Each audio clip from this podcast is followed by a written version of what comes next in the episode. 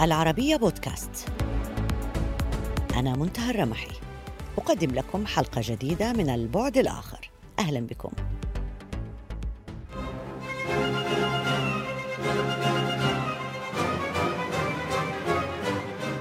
عايدة أميرة حبشية تسقط مع أبيها الإمبراطور في أسر المصريين وتقع هي في غرام قائد الجيش المصري الأمير ردميس وتجد كل من عايدة وردميس نفسيهما في مواجهة شاقة بين الحب الذي يجمعهما وبين واجب كل منهما تجاه وطنه. هذا هو ملخص الأوبرا الشهيرة التي ألفها الموسيقار الإيطالي الشهير فيردي خصيصا للخديوي إسماعيل حاكم مصر القوي في القرن التاسع عشر لتكون جزءا من الاحتفالات الأسطورية بافتتاح قناة السويس. لم تكن مصادفة. فالخديوي إسماعيل كان يؤسس إمبراطورية مصرية كبرى في إفريقيا ومد حملاته العسكرية جنوبا حتى أوغندا وقام بغزو الحبشة متتبعا مسار منابع النيل. فكل من حكم مصر على مر التاريخ كان مدركا أن أمن مصر يبدأ من منابع نهر النيل. لذلك كانت قصة أوبرا عايدة مستوحاة من بردية فرعونية قديمة ترجمها عالم الآثار الفرنسي الشهير أوغست ميريت. فالصراع بين منبع النيل ومصبه يغوص قديما في التاريخ ويمتد ليصنع مستقبل مئات الملايين من البشر الذين يعيشون في حوضه العظيم. سد النهضة هو مجرد فصل من فصول هذا الصراع. وهو صراع يحرص الجميع على ألا يخرج عن السيطرة لأنه إذا تحول إلى حرب على الوجود لن يكون به أي فائز في أكتوبر الماضي نشرت فورين أفيرز تحليلا لتعثر مفاوضات سد النهضة حمل عنوان Nile Be Dammed وقالت إن سياسة المياه السامة تهدد الديمقراطية والاستقرار الإقليمي. حول هذا الموضوع أرحب بضيفي دكتور محمود أبو زيد وزير الري الأسبق ورئيس المجلس العربي للمياه. أهلا بك معنا معالي الوزير. واسمح لي أن أبدأ معك بما ذكرناه بالمقدمة بأنه إذا خرج الصراع حول سد النهضة عن السيطرة لن يكون هناك فائز. إلى أي مدى تبدو هذه المقولة حقيقية وهي محذرة لأطراف الصراع؟ موضوع سد النهضة هو موضوع هام وشائك ويجب أن يبقى في حدود آه، المصرح بها والمعروفة والمقبولة من جميع الأطراف. أرجو أن أؤكد أن هذا الصراع وإن كان لم يبدأ بصراع منذ قديم الزمن فأذكر في عام 1999 عندما اجتمعت دول مبادرة حوض النيل وكان من أهم مبادئها دراسة المشروعات المشتركة التي تتقدم بها الدول وطلب من من كل دولة أن تتقدم بمشروعين آه، لهم أولوية في في دول حوض النيل. وتقدمت أثيوبيا في هذا الوقت من مشروعين. كان أحدهما مشروع سد النهضة ولم يكن يعرف باسم سد النهضة في ذلك الوقت. مم. الآن حصل وإثيوبيا بدأت بالسد وملأت الجزء الأول الآن في خلاف على الملء الثاني للسد. إذا بدنا نطلع على موضوع سد النهضة بشكل عام أو هذا المشروع اللي قدمته إثيوبيا. هل هو مشروع بتصورك؟ مشروع آه، اقتصادي تجاري آه، له جدوى محددة يمكن دراستها ولا هو مشروع من أجل آه، فرض القوة وفرض الهيمنة في المنطقة ومشروع سياسي أكثر منه مشروع اقتصادي أو مشروع حيوي. يعني هو في في بدايته أو عندما طرح وما زال يعني أعتقد إنه مشروع تنموي في المقام الأول له جدوى آه، اقتصادية وجدوى فنية وعوائد اجتماعية. آه وعندما قدم قدم ب في حجم معين. ولكن آه فيما بعد تطور هذا التصور عندما آه، اقترح أو رؤي أن يكون المشروع في حجم أكبر بكثير مما كان مقدم في البداية وبدأت الشكوك حول آه، يعني أهدافه. هل هي أهداف ما زالت فقط تنموية واقتصادية ولكن آه، تعدى ذلك إلى بعض الأهداف ممكن يكون واحد من هاي الأهداف إنه إعادة تشكيل موازين القوى في المنطقة بشكل عام؟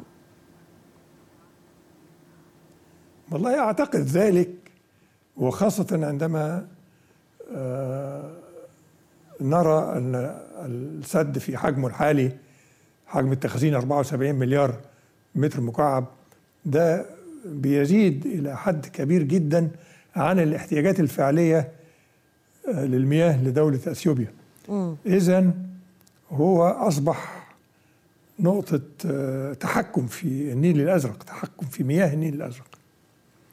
وهنا بيخرج بقى الهدف منه إلى أبعاد أخرى آه، قد تكون أبعاد منها السيطرة على مياه النيل من إثيوبيا. طيب ولمتى ممكن أن تتحمل الأطراف الأخرى اللي هي عندها أزمة مع آه، إثيوبيا ومسألة آه، الدول المشتركة في حوض النيل السودان ومصر تحديدا.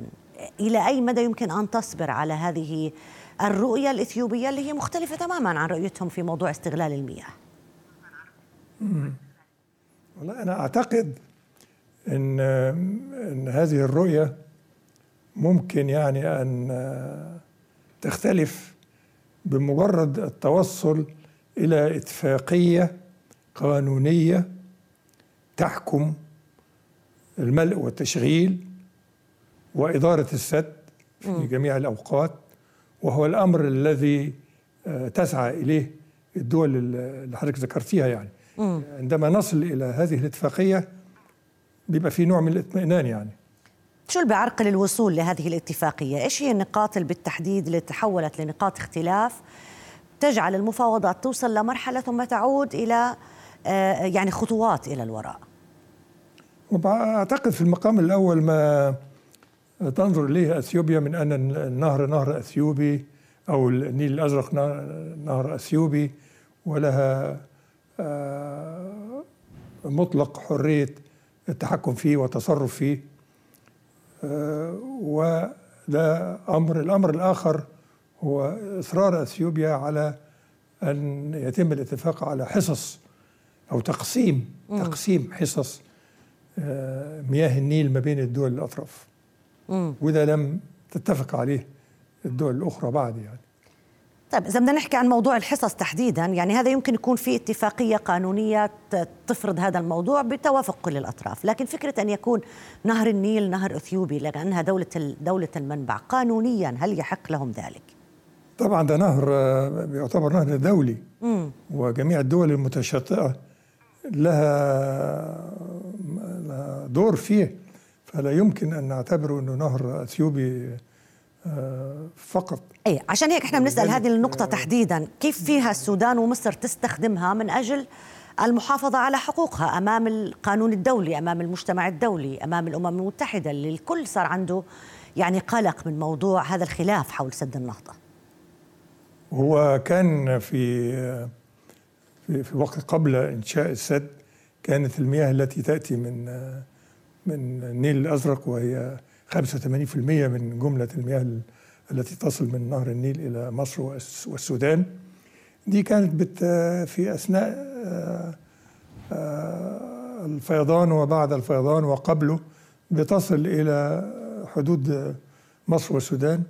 تصل في حوض السد العالي وبيتم آه، الاستفادة منها من خلال المياه التي تصرف من السد العالي أو من خلال المياه المخزنة في السد العالي. فكان بيحكم التصرف اولا اتفاقيه مياه النيل في 59 ما بين مصر والسودان. ثانيا آه، القواعد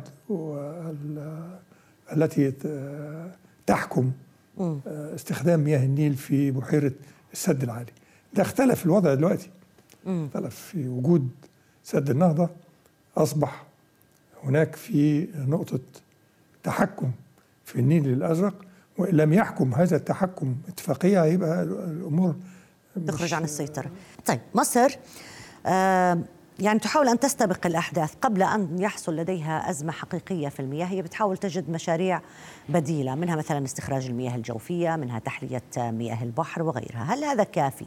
هل هذا يمكن أن يعوض خسارة مصر من حصتها من مياه آه، نهر النيل فيما لو آه، استمر الوضع على ما هو عليه واستمرت إثيوبيا في اصرارها طبعا آه، مصر وضع حاليا خطة واستراتيجية لاستخدامات المياه الاستخدامات والموارد المائية. في خطة لسنة 2037 وخطة أخرى لسنة 2050 دي بتوضح كيف تتعامل مصر مع الظروف المختلفة في ضوء اختلاف تصرفات النهر والفيضانات المختلفة.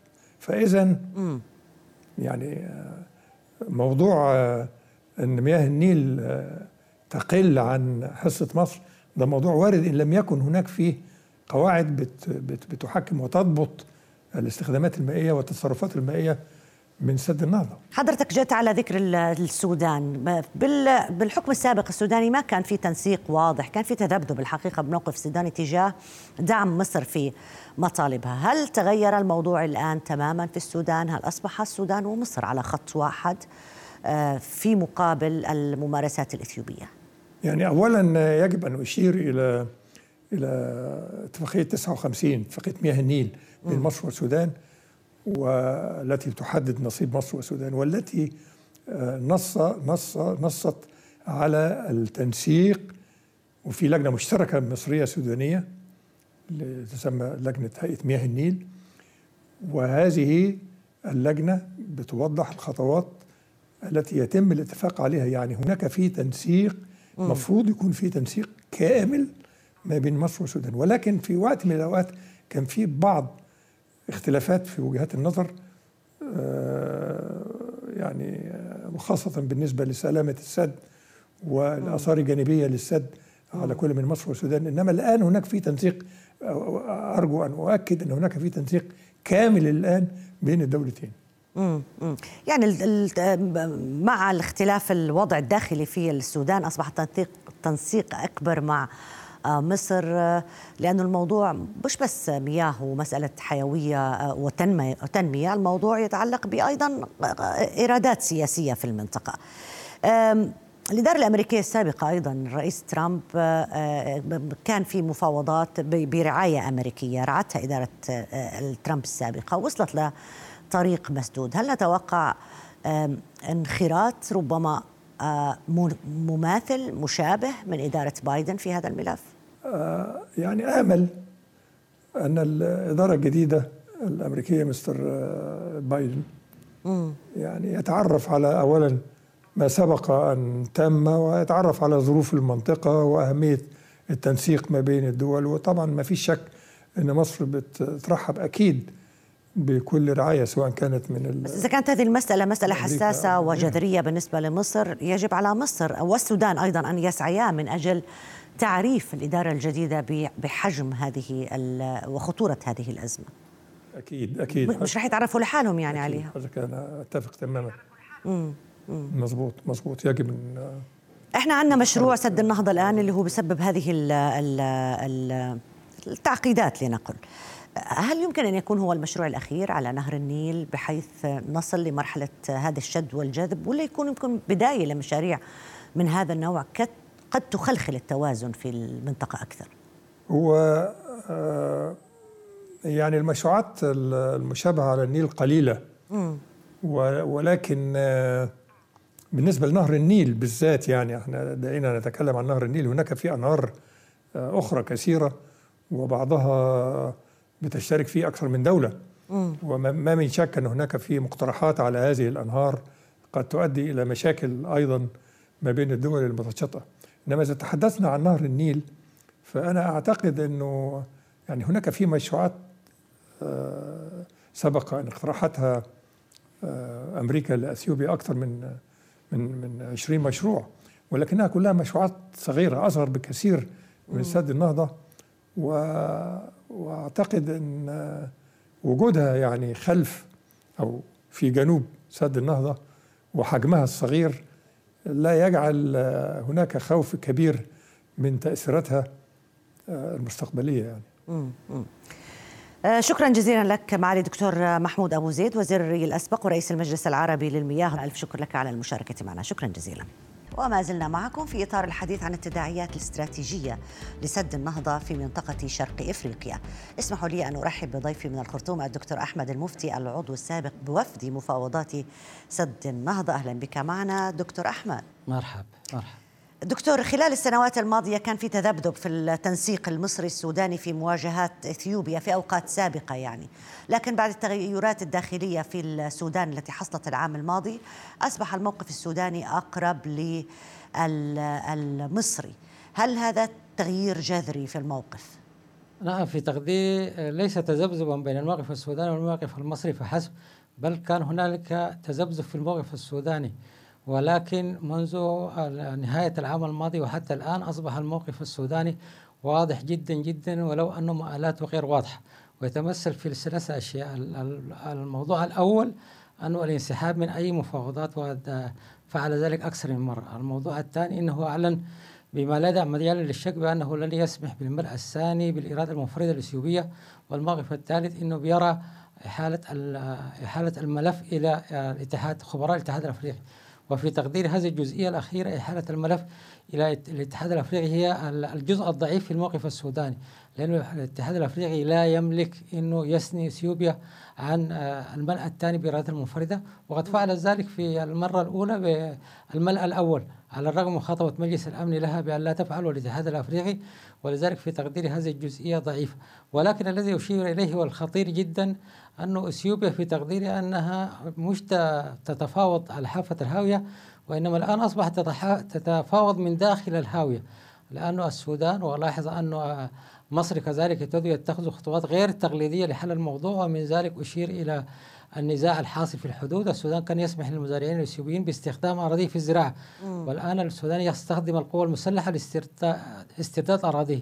ففي تقديري هنالك علاقة بالإضافة إلى اي بس هذا الصراع اللي على الحدود الآن التي آه بين بين إثيوبيا والسودان هل سيؤثر على ملف سد النهضة فيما يتعلق بمواقف الخرطوم؟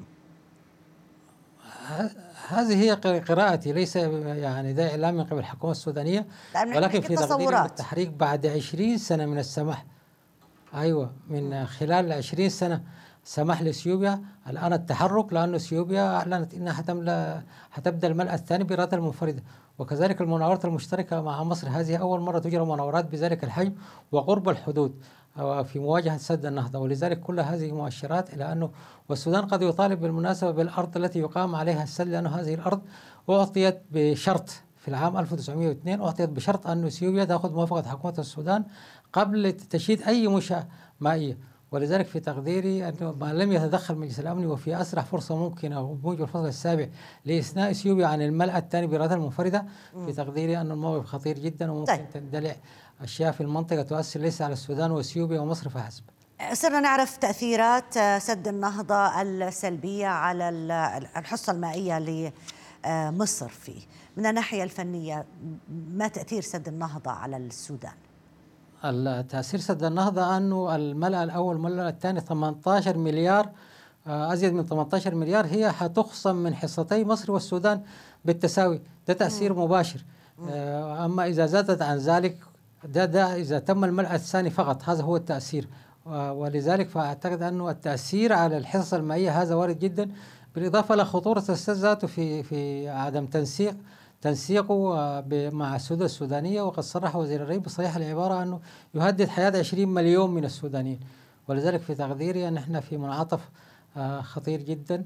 ولا بد أنا في تقديري لا يوجد حل غير تدخل مجلس الأمن وموجب الفصل السابع وفي أسرع ما يمكن لأنه اثيوبيا أعلنت الملأ الثاني في بداية يوليو. ونحن الآن على بعد أربعة أو خمسة أشهر من بداية يوليو. مرة ثانية برجع بسأل إذا كان هذا موقف استراتيجي سوداني لأنه لما كان في تذبذب بين التنسيق المصري السوداني سابقا كانت هذه الأزمات لدى السودان موجودة وهذه التخوفات لدى السودان موجودة. ولكن لم يكن هناك إرادة سياسية تريد الوقوف مع مصر تجاه هذه الممارسات الإثيوبية. هل هذا الموقف الذي تتحدث عنه الآن هو موقف استراتيجي نعم. سوداني؟ في تقديري نعم كان هنالك عدم تنسيق لأنه الموقف الإثيوبي لم يختبر إلا حاليا. طوال المدة من 2011 وعبورا ب 2015 توقيع إعلان المبادئ كانت إثيوبيا يعني تتحدث حديثا دبلوماسيا لينا هينا. ولكن الآن يتضح أن إثيوبيا تشرح في الملأ الثاني. والملأ الثاني هذه قنبلة قنبلة مائية. ولذلك اتضح الموقف الاستراتيجي السوداني الآن بوضوح تام لأول مرة. لذلك أفتكر أنه ما في طريقة إلا التنسيق بين السودان ومصر لأنه أصبح التهديد مشترك. الآن التهديد اتضح تماما وهو تهديد مشترك فلا بد من يحصل تنسيق بين الموقفين حتى وإن لم يعلن ذلك. ما دوافع إثيوبيا نحو آه يعني عدم الالتفات لهذه المخاوف السودانية أو المخاوف المصرية؟ بالعكس هي يعني عم بتعزز حتى حتى صراعها مع السودان على الحدود الآن. يعني كأنه في في عدم التفات لهذه المخاوف من قبل إثيوبيا من الأطراف الأخرى، شو دوافع؟ شديد اوافقك الرأي تماما.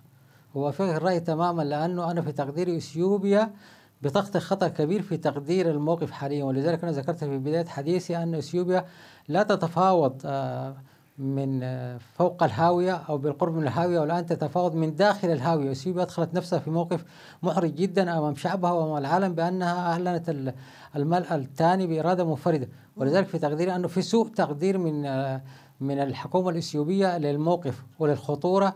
البنية وتتخيل أن السودان ممكن أن يسمح لها بأنه إغراق 20 مليون سوداني. هذا في تقديري كمراقب أنا وليس كجزء من الحكومة السودانية كمراقب هذا لن يحصل إطلاقا مطلقا.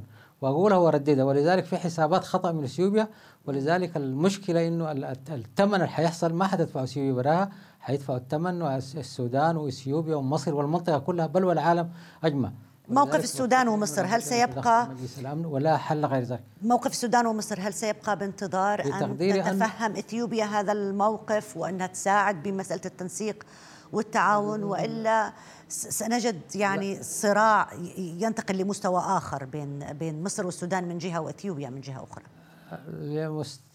لمستوى آخر وأنا أفتكر انتقل هنالك يعني خطوات غير تقليدية. الحكومات ما بتقدر تتكلم عنها لحكومة السودان لحكومة مصر لأسباب سياسية ودبلوماسية وقانونية. لكن إحنا كناس بننطلق كمراقبين بننطلق من منصات المجتمع المدني بنقدر نقول أن هنالك يعني خطوات غير تقليدية بتتخذ من جانب السودان ومصر في مواجهة هذا الخطر ممكن نوصل لمرحلة حرب بين يعني الأطراف على على سد النهضة إذا استمرت إثيوبيا في ما عندي أدنى ما عندي أدنى ما عندي أدنى شك.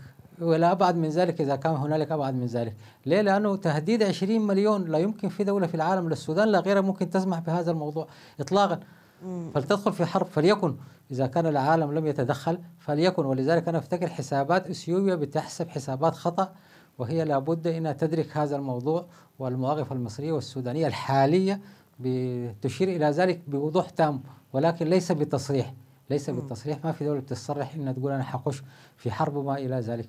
لكن بنقول إن إحنا كمراقبين عسى لعل نجد اذنا صاغيه لازم يكون في في في تغير في الموقف الإثيوبي تجاوب يعني مع هذه الأطراف. إدارة ترامب في السابقة كانت راعت هذه الاتفاقيات. هل نتوقع شيء مختلف الآن من إدارة بايدن؟ هل نتوقع دعم أكثر للموقف السوداني المصري خاصة إنه آه. تضرر الملايين من الناس بسبب هذه الإرادة الإثيوبية المنفردة؟ نعم أنا في تقديري إنه يعني الرئيس ترامب لما يتكلم عن إنه والله مصر في نهاية المطاف قد آه، تضرب هذا السد في تقديري يعني هذا كلام يعني غير دبلوماسي ولكن كلام متوقع وكلام صحيح جدا وتوقعات صحيحة جدا. ولذلك أنا في تقديري ما أراه من إدارة بايدن حتى الآن وما اتخذته في مواقف تجاه اليمن وما اتخذته من مواقف آه، كثيرة تجاه الاتفاق النووي. في تقديري أنه حتى إدارة ترامب في الآونة الأخيرة أرسلت وزارة الخزانة اللي هو كان هو ممثل أمريكا في مفاوضات آه، نيويورك. زار القاهرة وزار السودان ولكن لم يزور آه، إثيوبيا. فدي إشارة واضحة لأنه هذا الموقف الإثيوبي هو موقف يعني ضد القانون الدولي. كيف يعني نهر مشترك زي نهر النيل ومعروف وتحكم قواعد دولية إثيوبيا تالي أنها تتصرف فيه بإرادتها المنفردة. هذا في تقديري يعني موقف أنا غريب جدا. تحدي للعالم ككل وليس تحدي للسودان ومصر تحدي للقانون الدولي. دكتور أحمد المفتي العضو السابق بوفد مفاوضات سد النهضة ضيفي من الخرطوم. ألف شكر لك على المشاركة معنا. شكرا جزيلا. بهذا انتهت هذه الحلقة من البعد الآخر. إلى اللقاء.